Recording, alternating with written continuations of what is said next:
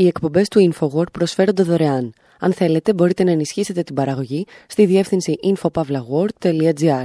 Η διεύθυνση infopavlagor.gr. Η εκπομπή InfoWord με τον Άρη Χατζηστεφάνου.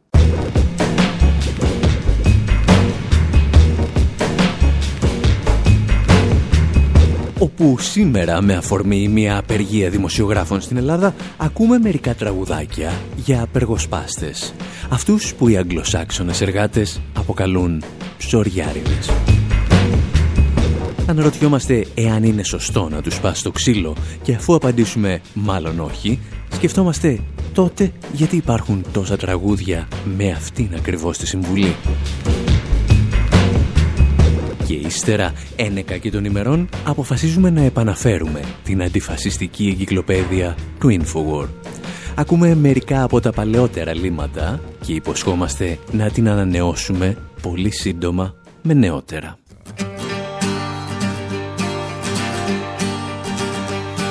It's in the evening after dark when the black leg miner creeps to work. Small skin pants and dirty shirt, there goes the black leg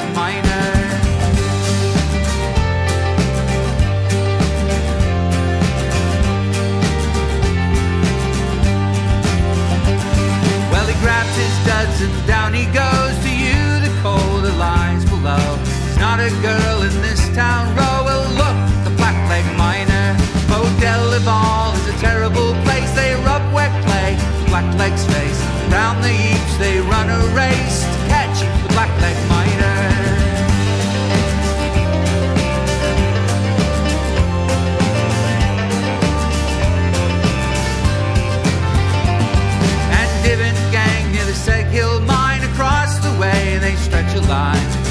the throat and break the spine of the dirty black leg miner.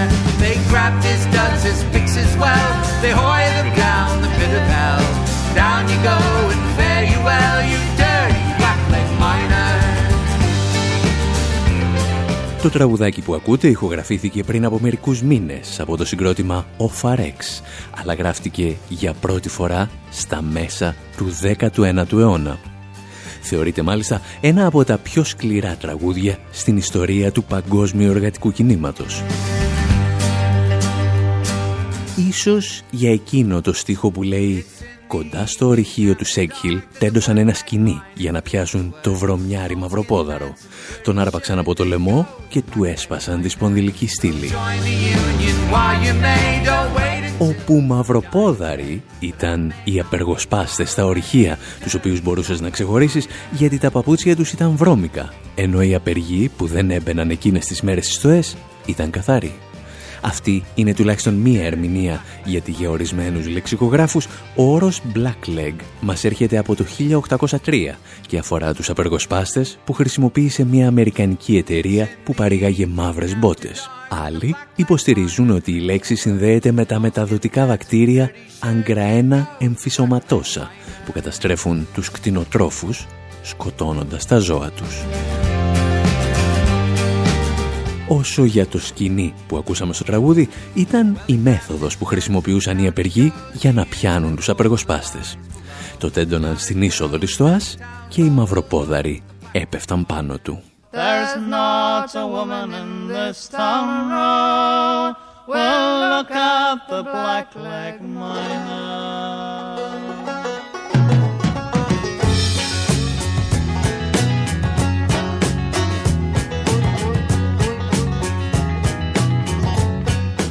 Το τραγούδι θα γνωρίσει νέες δόξες μετά το Μάη του 68, όταν ένα κομμάτι των συνδικάτων ριζοσπαστικοποιείται.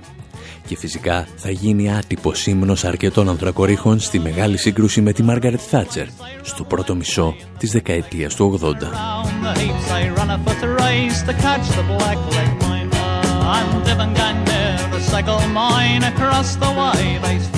Για τους απεργοσπάστες της Θάτσερ θα τραγουδήσει μερικά χρόνια αργότερα και ο Μπίλι Μπράγκ. Οι απεργοσπάστες μπορεί να κρύβουν τα πρόσωπά τους από ντροπή, έλεγε, αλλά εμείς ξέρουμε τα ονόματά τους. Ακούστε τον λίγο και εξηγούμαστε μετά.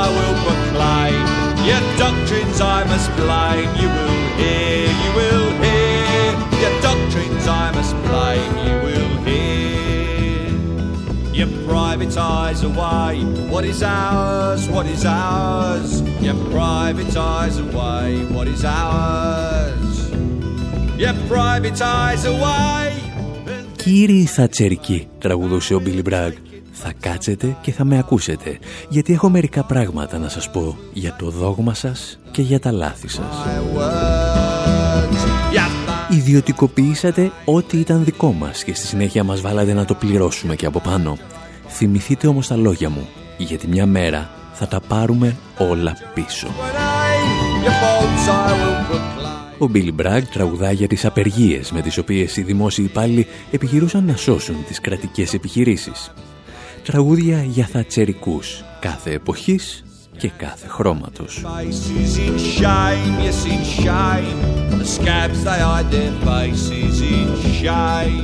Αν προσέξατε, ο Μπίλι Μπραγκ αποκαλεί τους απεργοσπάστες «scabs», που πιστεύετε ότι συνδέεται με την λέξη που χρησιμοποιούν οι Αγγλοσάξονες για την ψώρα. Για την ιστορία, το σκάμπ πιστεύετε ότι χρησιμοποιήθηκε για πρώτη φορά ως χαρακτηρισμός εργαζομένου στα τέλη του 18ου αιώνα. Αφορούσε όσους δεν γίνονταν μέλη των συνδικάτων και αδιαφορούσαν για τις διεκδικήσεις στο χώρο εργασίας. Με το πέρασμα των χρόνων έφτασε να χρησιμοποιείται σχεδόν αποκλειστικά για τους απεργοσπάστες και ειδικά αυτούς που σπάνε με τη βία τις αλυσίδες των απεργών για να μπουν στα εργοστάσια. Οι απεργοί συνήθιζαν να γράφουν τη λέξη «σκαμπ» με μπογιά έξω από τα σπίτια των απεργοσπαστών και αν τους πετύχαιναν σε κάποια pub της γειτονιάς, τους απογείωναν προς την έξοδο. Όπως περιγράφουν αρκετά τραγούδια, ακόμη και τα παιδιά των απεργοσπαστών αντιμετώπιζαν προβλήματα στο σχολείο από τους συμμαθητές τους και δυσκολεύονταν να σηκώσουν την προσβολή που στιγμάτιζε πλέον την οικογένειά τους.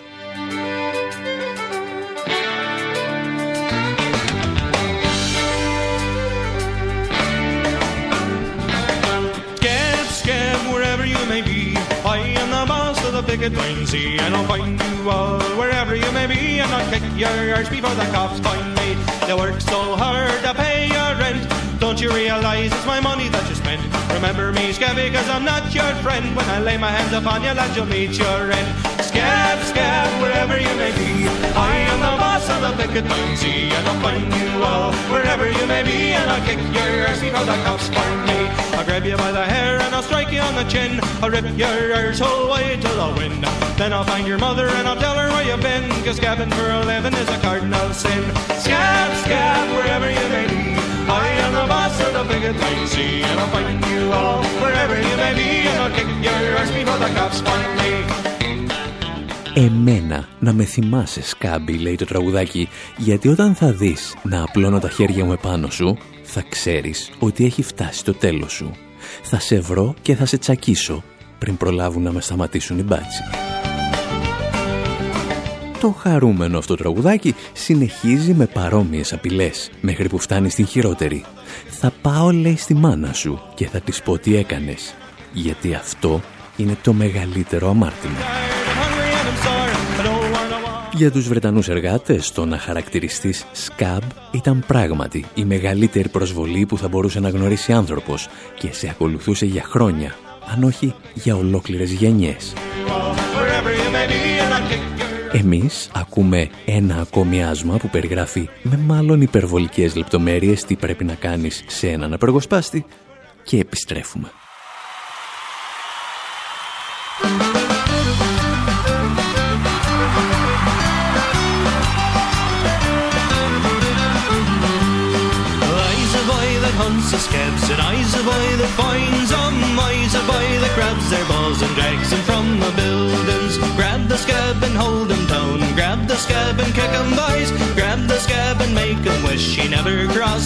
Line boys a boy that hunts the scabs and eyes a boy that finds them, eyes a boy that grabs their balls and drags them from the buildings. What do you get when you grab a scab and grind them into a little ball? All you get's a pile of shit, a different shape, and that's all. Eyes a boy that hunts the scabs and eyes a boy that finds them, eyes a boy that grabs their balls and drags them from the buildings. Well, I've been out for far too long, while Scabby sits there nice and warm. Well, I've got plans for when we're done, we'll make him wish he was never born.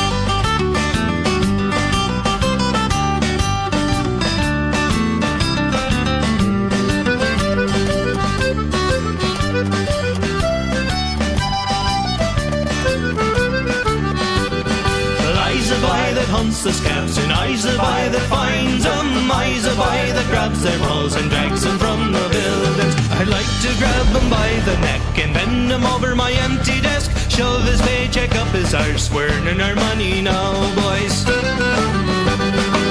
Well, I's a boy that hunts the scabs, and I's a boy that finds them. I's a boy that grabs their balls and drags them from the buildings. Well, I's a boy that hunts the scabs, and I's a boy that finds them. I's a boy that grabs their balls and drags them from the buildings.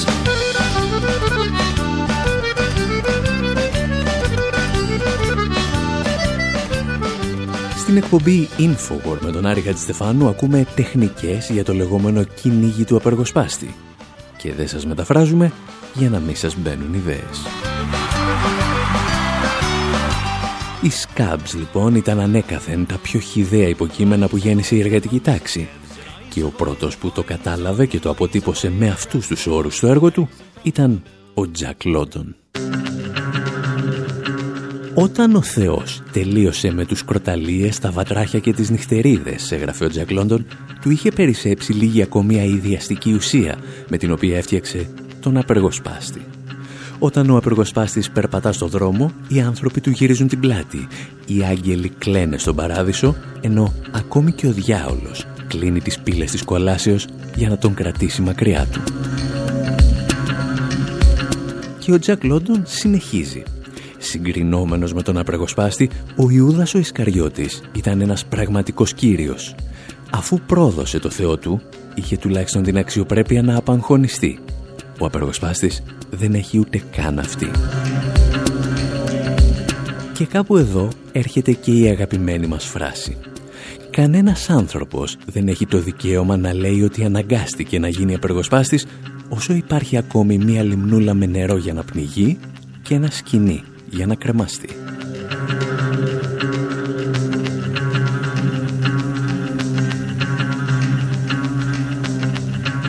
Και αν όλα αυτά σας ακούγονται ελαφρώς παλιά, να σας φέρουμε στο σήμερα με ένα τραγουδάκι για απεργοσπάστες από τους Green Day.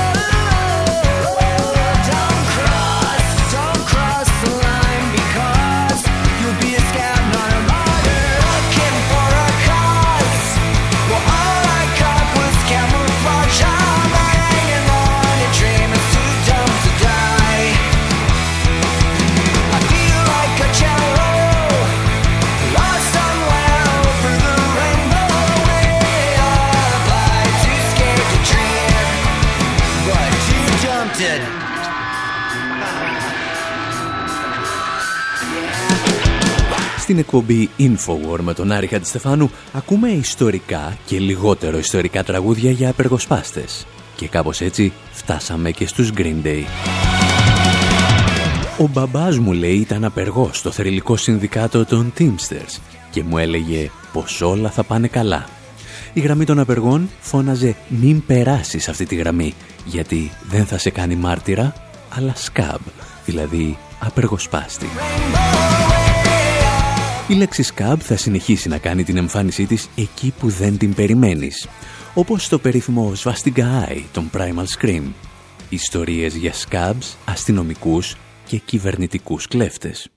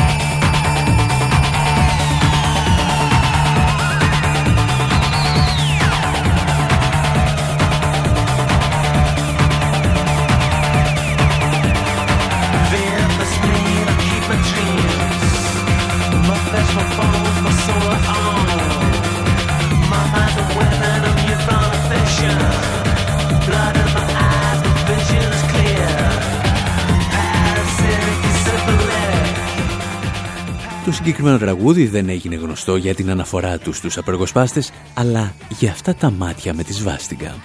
Μια φράση που προκάλεσε πολλά προβλήματα στην κυκλοφορία του τραγουδιού στις Ηνωμένες Πολιτείες. Και το συγκρότημα δεν βοήθησε καθόλου την κατάσταση όταν εξήγησε ότι το έγραψε έχοντας στο μυαλό του τα μάτια της Madeleine Albright, του Tony Blair και των στελεχών της πετρελαϊκής εταιρείας BP. Γι' αυτό και εμείς επιστρέφουμε σε τραγούδια που γράφτηκαν κατεξοχήν για απεργοσπάστες. Εδώ με τον Τόμ Μορέλο σε μια ιστορική συναυλία. Μόνος του με μια κιθάρα. Πολλά χρόνια μετά τους Rage Against the Machine.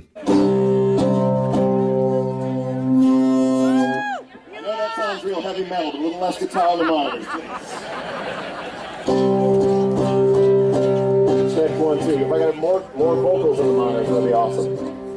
Check one, two. Even more would be great. Check one, two. All right, we're going to make two. I'm Tom Morello.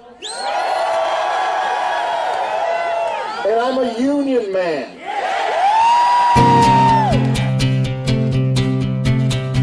Here we go. For the fight auto workers twisted, tricked, and robbed. To the peasant in Guatemala in a sweatshop got your job. And she can't feed her family on the pennies that she makes. Meanwhile, the crime rate's rising up and down the Great Lakes states. Like vegetables left in the field, the signatures smell rotten. And the contracts and the deeds that push the race down to the bottom.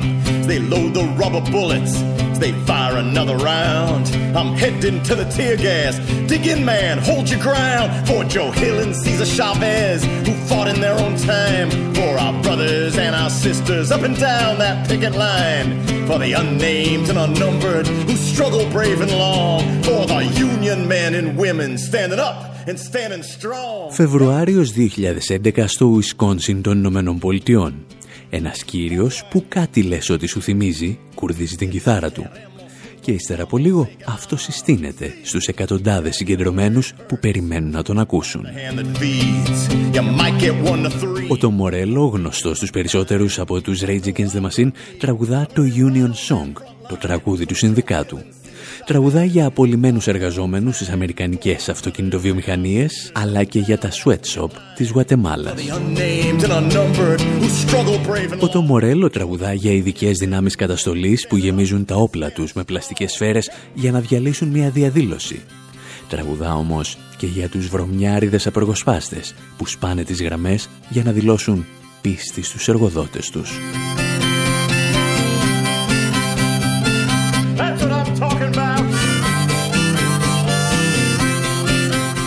Αυτή λοιπόν ήταν μια μικρή μουσική επιλογή για απεργοσπάστες.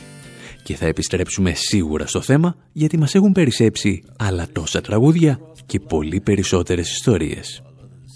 Εσείς προς το παρόν μένετε εδώ για το δεύτερο μέρος της εκπομπής. Και δεν ξεχνάτε πως όταν δεν μας ακούτε μπορείτε να μας διαβάζετε και να μας βλέπετε στη διεύθυνση info.pavlawar.gr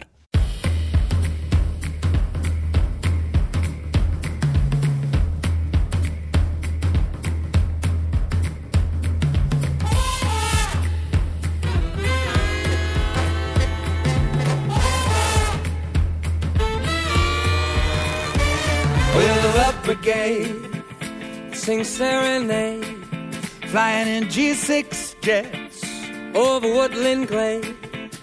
These are canapes and not hand grenades, and that's a choice we made.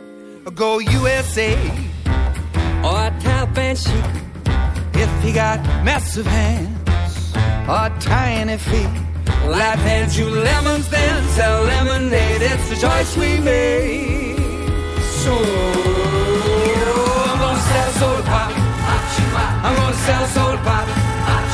I'm gonna sell a soda pop. I want to sell a soda pop. Soda, a Yoda, about you up.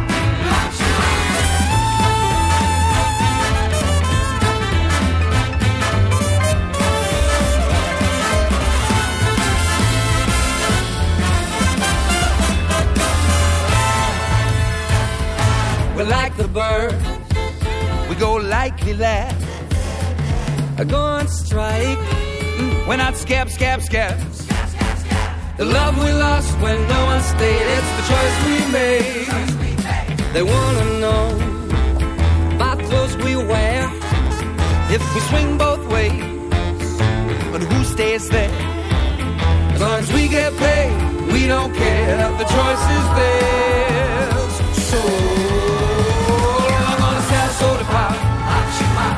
Sell a soda pop. I'm gonna sell a soda pop. I wanna sell a soda pop.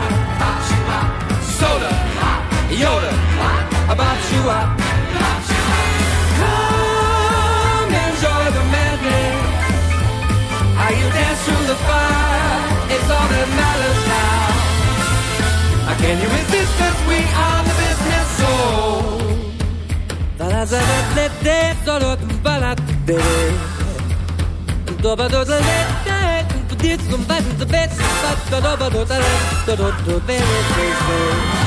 Yeah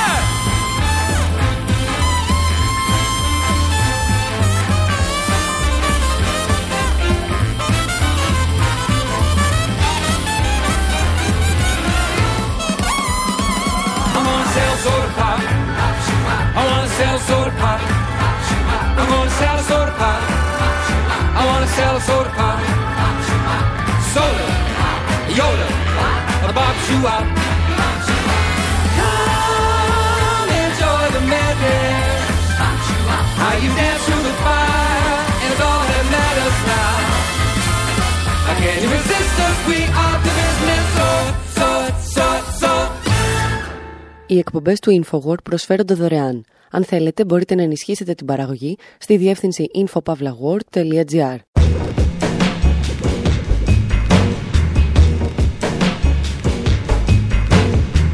Η εκπομπή Infowar με τον Άρη Στεφάνου.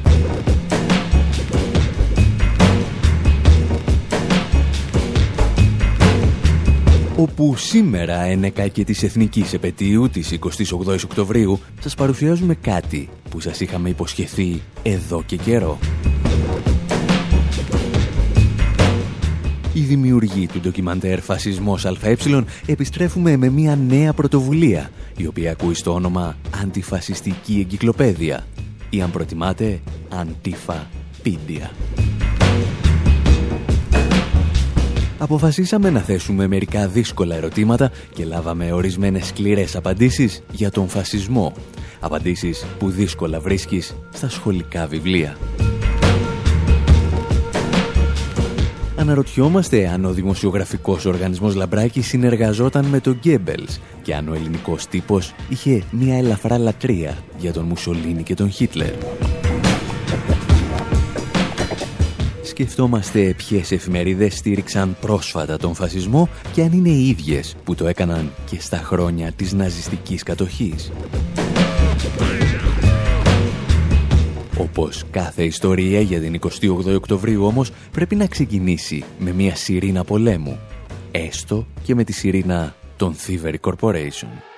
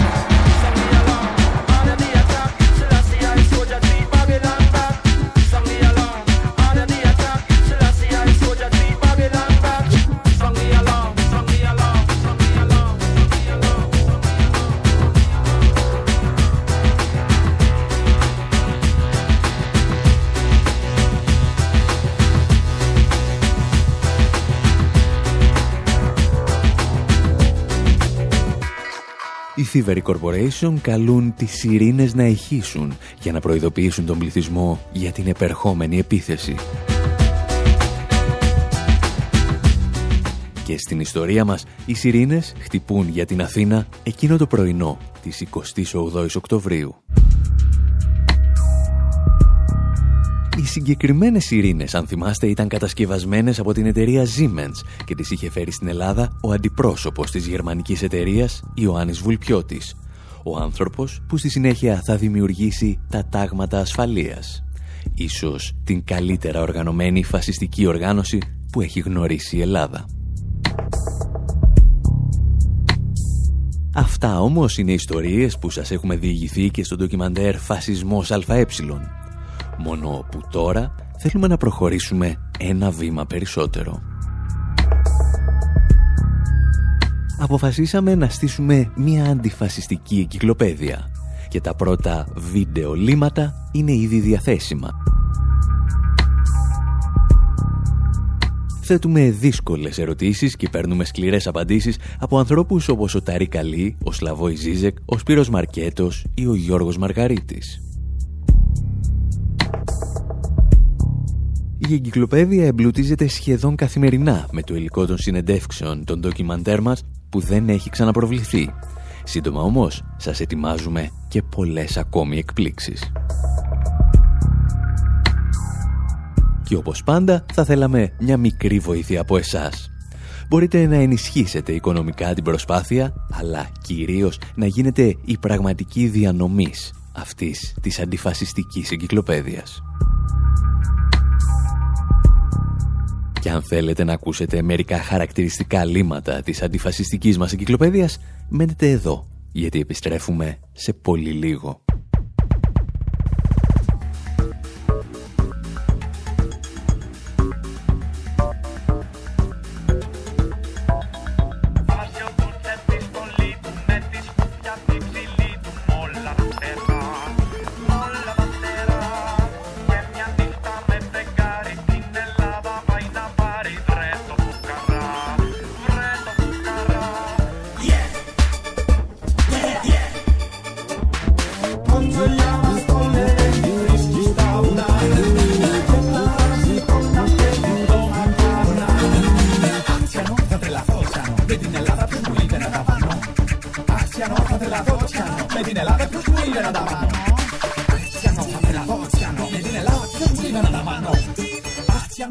Ο DJ Αντώνο διασκευάζει το «Κορόιδο Μουσολίνη», το τραγούδι με το οποίο μεγαλώσαμε και το ακούγαμε σε κάθε σχολική γιορτή.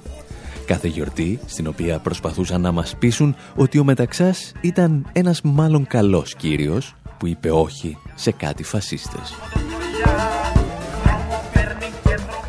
Το πρόβλημα ήταν ότι αρκετά χρόνια πριν το πολιτικό κατεστημένο της Ελλάδας υποχρεωθεί να πει το όχι, είχε ως συνδάλματα όχι μόνο το Μουσολίνι, αλλά ακόμη και τον Χίτλερ. Μας τα εξηγούσε ο καθηγητής πολιτικών επιστημών Σπύρος Μαρκέτος, πάντα από την αντιφασιστική μας εγκυκλοπαίδεια. Από τον κορμό της πολιτικής ζωής δεν υπάρχει κανένας που να μιλάει κατά του Μουσολίνη και σχεδόν όλοι από το Βενιζέλο και κάτω δηλώνουν θαυμαστές του. Στις εφημερίδες της εποχής, κοιτάζοντας και τις συντηρητικές αλλά και τις ε, κεντρώες, το, τα αθηναϊκά νέα όπως λέγονταν τότε τα νέα, το ελεύθερο βήμα όπως λέγονταν τότε το βήμα, υπάρχει ομόθυμη αγάπη για τον Μουσολίνη, πιο μετριασμένα συναισθήματα για τον Χίτλερ. Αλλά και εκεί σε καμιά περίπτωση δεν μπορούμε να πούμε ότι κάποια από όλες αυτές τις εφημερίδες ασκούσε κριτική στο Χίτλερ. Μπορεί να υπήρχαν επικριτικά άρθρα, κυρίως ε, σε σχέση με την διεθνή του πολιτική, αλλά όχι σε σχέση με την εσωτερική του πολιτική. Αντίθετα, ο Χίτλερ, για παράδειγμα, επενούνται πολύ συστηματικά από τον νεολόγο της Πάτρας, πολύ σημαντική εφημερίδα εκείνη την εποχή, ε, φιλελεύθερη. Και προβαλόταν σαν πρότυπο για το πώς πρέπει να στηθεί η ζωή στην Ελλάδα μετά την επικράτησή τους στη Γερμανία, αφού είχαν γίνει φανερά τα αποτελέσματα της πολιτικής τους στη Γερμανία. Η λατρεία προς τον Μουσολίνη και τον Χίτλερ βέβαια δεν είναι μόνο ελληνικό φαινόμενο. Ο Winston Churchill, ο οποίος θα βομβαρδίσει την Ελλάδα μετά τον Χίτλερ, δήλωνε κάποτε φανατικός οπαδός του φασισμού και του ναζισμού. Μας τα εξηγούσε, αν θυμάστε παλαιότερα, ο Τάρι Καλή. If you look at what Churchill wrote about Mussolini, It's shocking now when you read. Αν δείτε τι έγραφε ο Τσόρτσιλ για τον Μουσολίνη, θα πάθετε σοκ. Τώρα τον αποκαλούν ήρωα του Δευτέρου Παγκοσμίου Πολέμου, αλλά ο ίδιος θεωρούσε τον Μουσολίνη σαν την καλύτερη επιλογή απέναντι στην επανάσταση των Πολσεβίκων και την αριστερά γενικότερα. Και το έλεγε μέχρι το 1939. Σε άλλα κείμενά του, που επανεκδίδονται τώρα, ο Τσόρτσιλ εξυμνεί τον Χίτλερ. Όχι δηλαδή μόνο τον Μουσολίνη, που θεωρείται από ορισμένους πιο μαλακός φασίστας. Έλεγε συγκεκριμένα ότι αν ποτέ η Βρετανία βρισκόταν σε μια κατάσταση όπως αυτή που βρέθηκε η Γερμανία μετά τη συνθήκη των Βερσαλιών, η καλύτερη λύση θα ήταν ένας πολιτικός σαν τον Χίτλερ. Έκανε μάλιστα πολύ θετική κριτική και για το βιβλίο Ο Αγών μου του Χίτλερ. Κατά την άποψή μου, λοιπόν, είναι ανόητο να διαχωρίζουμε τον φασισμό από τον κυρίαρχο συντηρητισμό. Η σύνδεση είναι εμφανής και αυτό πρέπει να το επισημάνουμε γιατί οι οικονομικές συνθήκες θα επιδεινωθούν και δεν θα βελτιωθούν. You know, the conditions are going to deteriorate. They're not going to get better economically. Οι ελληνικές πολιτικές και οικονομικές ελίτ θα αποδείξουν στην πράξη την αγάπη τους για τον Μουσολίνη και τον Χίτλερ στα πρώτα χρόνια της κατοχής. Και ένας από τους ανθρώπους που συνεργάζεται με τους κατακτητές είναι και ο Δημήτρης Λαμπράκης, ο πατριάρχης της γνωστής αυτοκρατορίας των μέσων ενημέρωσης. Είναι η εποχή που θα συνεργαστεί με την διαβόητη Mundus, τη γερμανική εταιρεία που ελέγχει ο Γκέμπελς και ο Ρίμπεντροπ, προωθώντας την προπαγάνδα τους στην κατεχόμενη Ευρώπη. Στο λήμμα Λαμπράκη της αντιφασιστικής μας εγκυκλοπαίδειας, ο δημοσιογράφος και συγγραφέας Δημοσθένης Κούκουνας μας μιλά για τον Δημήτρη Λαμπράκη. Κάνει αυτή τη συμφωνία με, την, ε, με τη γερμανική εταιρεία Mundus, ε, ουσιαστικά είναι η προπαγανδιστική ε, εταιρεία που είχαν ε, πολυεθνική. Οι Γερμανοί ακριβώς για να, διο, να διοχετεύουν επιρροή και να διεισδύουν στις, ε, στο κατεχόμενο τύπο και πούλησε το συγκρότημά του το 51% έδωσε στη γερμανική εταιρεία εισέπραξε τα χρήματα εξ αυτού μπόρεσε και αγόρασε όπως προκύπτει ε, το ακίνητο στην οδό Αναγνωστοπούλου που υπήρχε μέχρι το τέλος ε, υπάρχει ίσως ακόμα στα χέρια της οικογένειας Λαμπράκη ε, και παρέμεινε όμως η διοίκηση ε, των εφημερίδων σε όλη τη διάρκεια της κατοχής στα χέρια του, Λα, του Λαμπράκη έμεσα. Ο ίδιος εμφανίστηκε να αποσύρεται. Αλλά οι άνθρωποι του παρέμειναν και είναι χαρακτηριστικό ότι και οι τρεις άνθρωποι ειδικοί του εκείνη την εποχή, ονόματι Συριώτης, ε, Ζαφυρόπουλος και Τζαρτήλης, οι πρώτοι δύο είναι γνωστοί δημοσιογράφοι, ο άλλος ήταν ο διαχειριστής, είχαν τις διευθυντικές θέσεις στο συγκρότημα και πριν την κατοχή και κατά τη διάρκεια της κατοχής, αλλά και μετά. Σχεδόν ισοβίως αυτοί, αυτοί τα, τα συγκεκριμένα στελέχη διατήρησαν τον έλεγχο των εφημερίδων του συγκροτήματος και μόνο αυτό αποδεικνύει την ε, άμεση σχέση που είχαν με τους Γερμανούς κατά τη διάρκεια της κατοχής και μόνο. Σχεδόν 70 χρόνια από τη στιγμή που οι ελληνικές ελίτ έδειξαν την ετοιμότητά τους να συνεργαστούν με τους κατακτητές, κάποιοι θέλουν να θυμόμαστε την 28 Οκτωβρίου σαν μια πανεθνική και κυρίως αταξική επέτειο. Ίσως γιατί ο μεταπολεμικός κρατικός μηχανισμός που οργανώνει τέτοιου είδους γιορτές και παράτες στελεχώθηκε από τους συνεργάτες των Ναζί. Μπαίνουμε, όπως καταλαβαίνετε, στο λίμα της αντιφασιστικής εγκυκλοπαίδειας δοσύλλογη του χτες και του σήμερα. Η Ελλάδα είναι το μόνο παράδειγμα στην Ευρώπη όπου οι συνεργάτες των Ναζί δεν έχασαν τον πόλεμο. Αντίθετα βρέθηκαν στο κέντρο του καθεστώτος. Σε όλες τις άλλες χώρες και της Ανατολικής Ευρώπης και της Δυτικής Ευρώπης είτε τιμωρήθηκαν είτε περιθωριοποιήθηκαν. Στην Ελλάδα ήταν αυτοί που έχτισαν το επόμενο καθεστώς και οι οποίοι ως σήμερα ελέγχουν πολιτικά και οικονομικά τη χώρα και πιστεύω ότι αν είναι να έχουμε αλλαγή στη χώρα μας πρέπει επιτέλους να απαλλαγούμε από αυτούς. Μια σοβαρή αριστερά θα τους παραμερίσει και κατά τη γνώμη μου πρέπει και να τους τιμωρήσει αυτούς που συνέδραμαν την τωρινή ανάπτυξη του φασισμού. Οι ελληνικές οικονομικές και πολιτικές ελίτ λοιπόν θα συνεργαστούν από την πρώτη στιγμή με τους κατακτητές και οι μόνοι που θα σηκώσουν το βάρος της αντίστασης είναι η αριστερά και τα λαϊκά στρώματα. Εκείνα τα λαϊκά στρώματα για τα οποία τραγουδούσε ο Βαμβακάρης και ο Απόστολος Χατζηχρίστος τραγούδια σαν κι αυτό.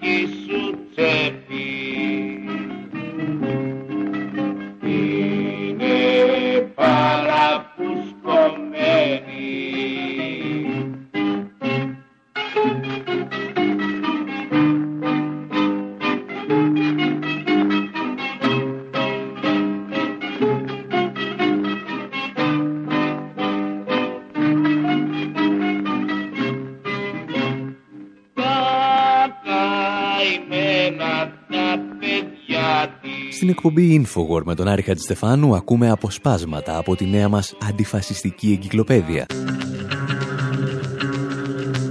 Στην εγκυκλοπαίδειά μας δεν συζητάμε μόνο για τα χρόνια του Δευτέρου Παγκοσμίου Πολέμου. Θέτουμε ερωτήματα όπως ποιος στηρίζει σήμερα τον φασισμό στην Ελλάδα. Και σε ορισμένες περιπτώσεις βρίσκουμε μπροστά μας τις ίδιες εφημερίδες και τους απογόνους των ίδιων δοσύλλογων επιχειρηματιών της κατοχής. Όπως εδώ, ο καθηγητής Σπύρος Μαρκέτος μας μιλά για τους σημερινούς χορηγούς επικοινωνίας της ναζιστικής Χρυσής Αυγής. Σήμερα το πλέγμα εξουσίας έχει δεχθεί ως θεμητή προοπτική τη στήριξη του φασισμού. Ο Μιχαλολιάκος και ο Κασιδιάρης στήθηκαν από το κράτος και από τα μίντια. Από τους καπιταλιστές δηλαδή οι οποίοι ελέγχουν και τον κρατικό μηχανισμό και τα μέσα ενημέρωσης όπως λέγονται. Χωρίς τη δική τους βοήθεια δεν θα είχαμε σήμερα Χρυσή Αυγή. Έγινε αυτό ακριβώς σε μια στιγμή που φαινόταν ότι αν συνεχιζόταν η λαϊκή κινητοποίηση απειλούσε πραγματικά το σημερινό πλέγμα εξουσίας και έγινε σε μεγάλο βαθμό από τους Σύριους που είχαν στηρίξει και στο Μεσοπόλεμο τα αντίστοιχα φασιστικά κινήματα. Εγώ εξοργίζομαι όταν βλέπω ότι σήμερα στηρίζουν τον φασισμό και εφημερίδες σαν αυτές του συγκροτήματος Λαμπράκη Τέος, το Βήμα και τα Νέα που οι πρόδρομοι τους είχαν στηρίξει τον φασισμό στο Μεσοπόλεμο και η Καθημερινή, η οποία επίσης μέχρι πολύ πρόσφατα ήταν σαφώς υπέρ της Χρυσής Αυγής. Και στον Μεσοπόλεμο και στη διάρκεια του πολέμου ήταν από τις εφημερίδες οι οποίες και τότε είχαν στηρίξει το φασισμό. Στη Γαλλία μετά την απελευθέρωση όλες οι εφημερίδες που είχαν εκτεθεί με το καθεστώς Πετέν έκλεισαν. Στην Ελλάδα στην... το πολύ πολύ κάποιες άλλαξαν το όνομά τους. Πήρατε μια μικρή γεύση από το περιεχόμενο της αντιφασιστικής εγκυκλοπαίδειας. Εμείς θα συνεχίσουμε να την εμπλουτίζουμε με ανέκδοτες συνεντεύξεις και πρωτότυπο υλικό. Και εσείς, αν θέλετε, μπορείτε να ενισχύσετε αυτή την προσπάθεια.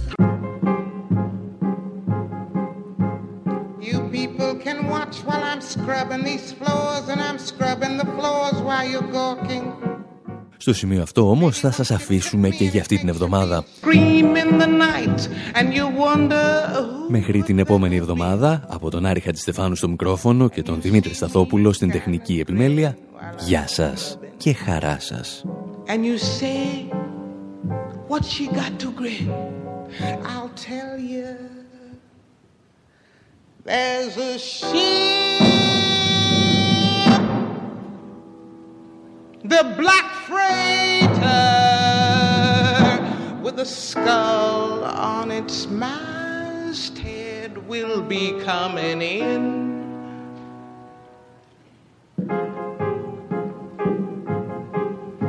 You gentlemen can say, hey gal, finish them floors, get upstairs. What's wrong with you? Earn your keep here. You toss me your tips and look out to the ships, but I'm counting your heads as I'm making nobody gonna sleep here tonight. Nobody's gonna sleep here, honey. Nobody. Nobody.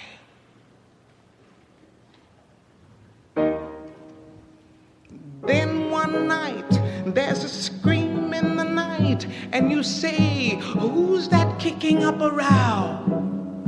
And you see me kinda staring out the window, and you say, What's she got to stare at now? I'll tell you, there's a ship. the black freighter turns around shooting guns from her bow.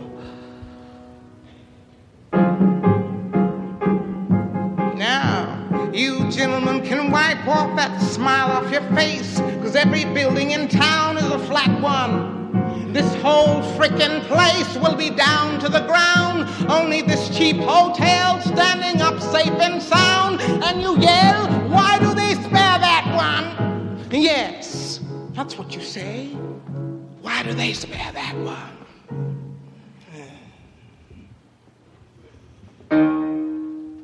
All the night through, through the noise and to do, you wonder who is that person that lives up there. And you see me stepping out in the morning, looking nice with a ribbon in my hair.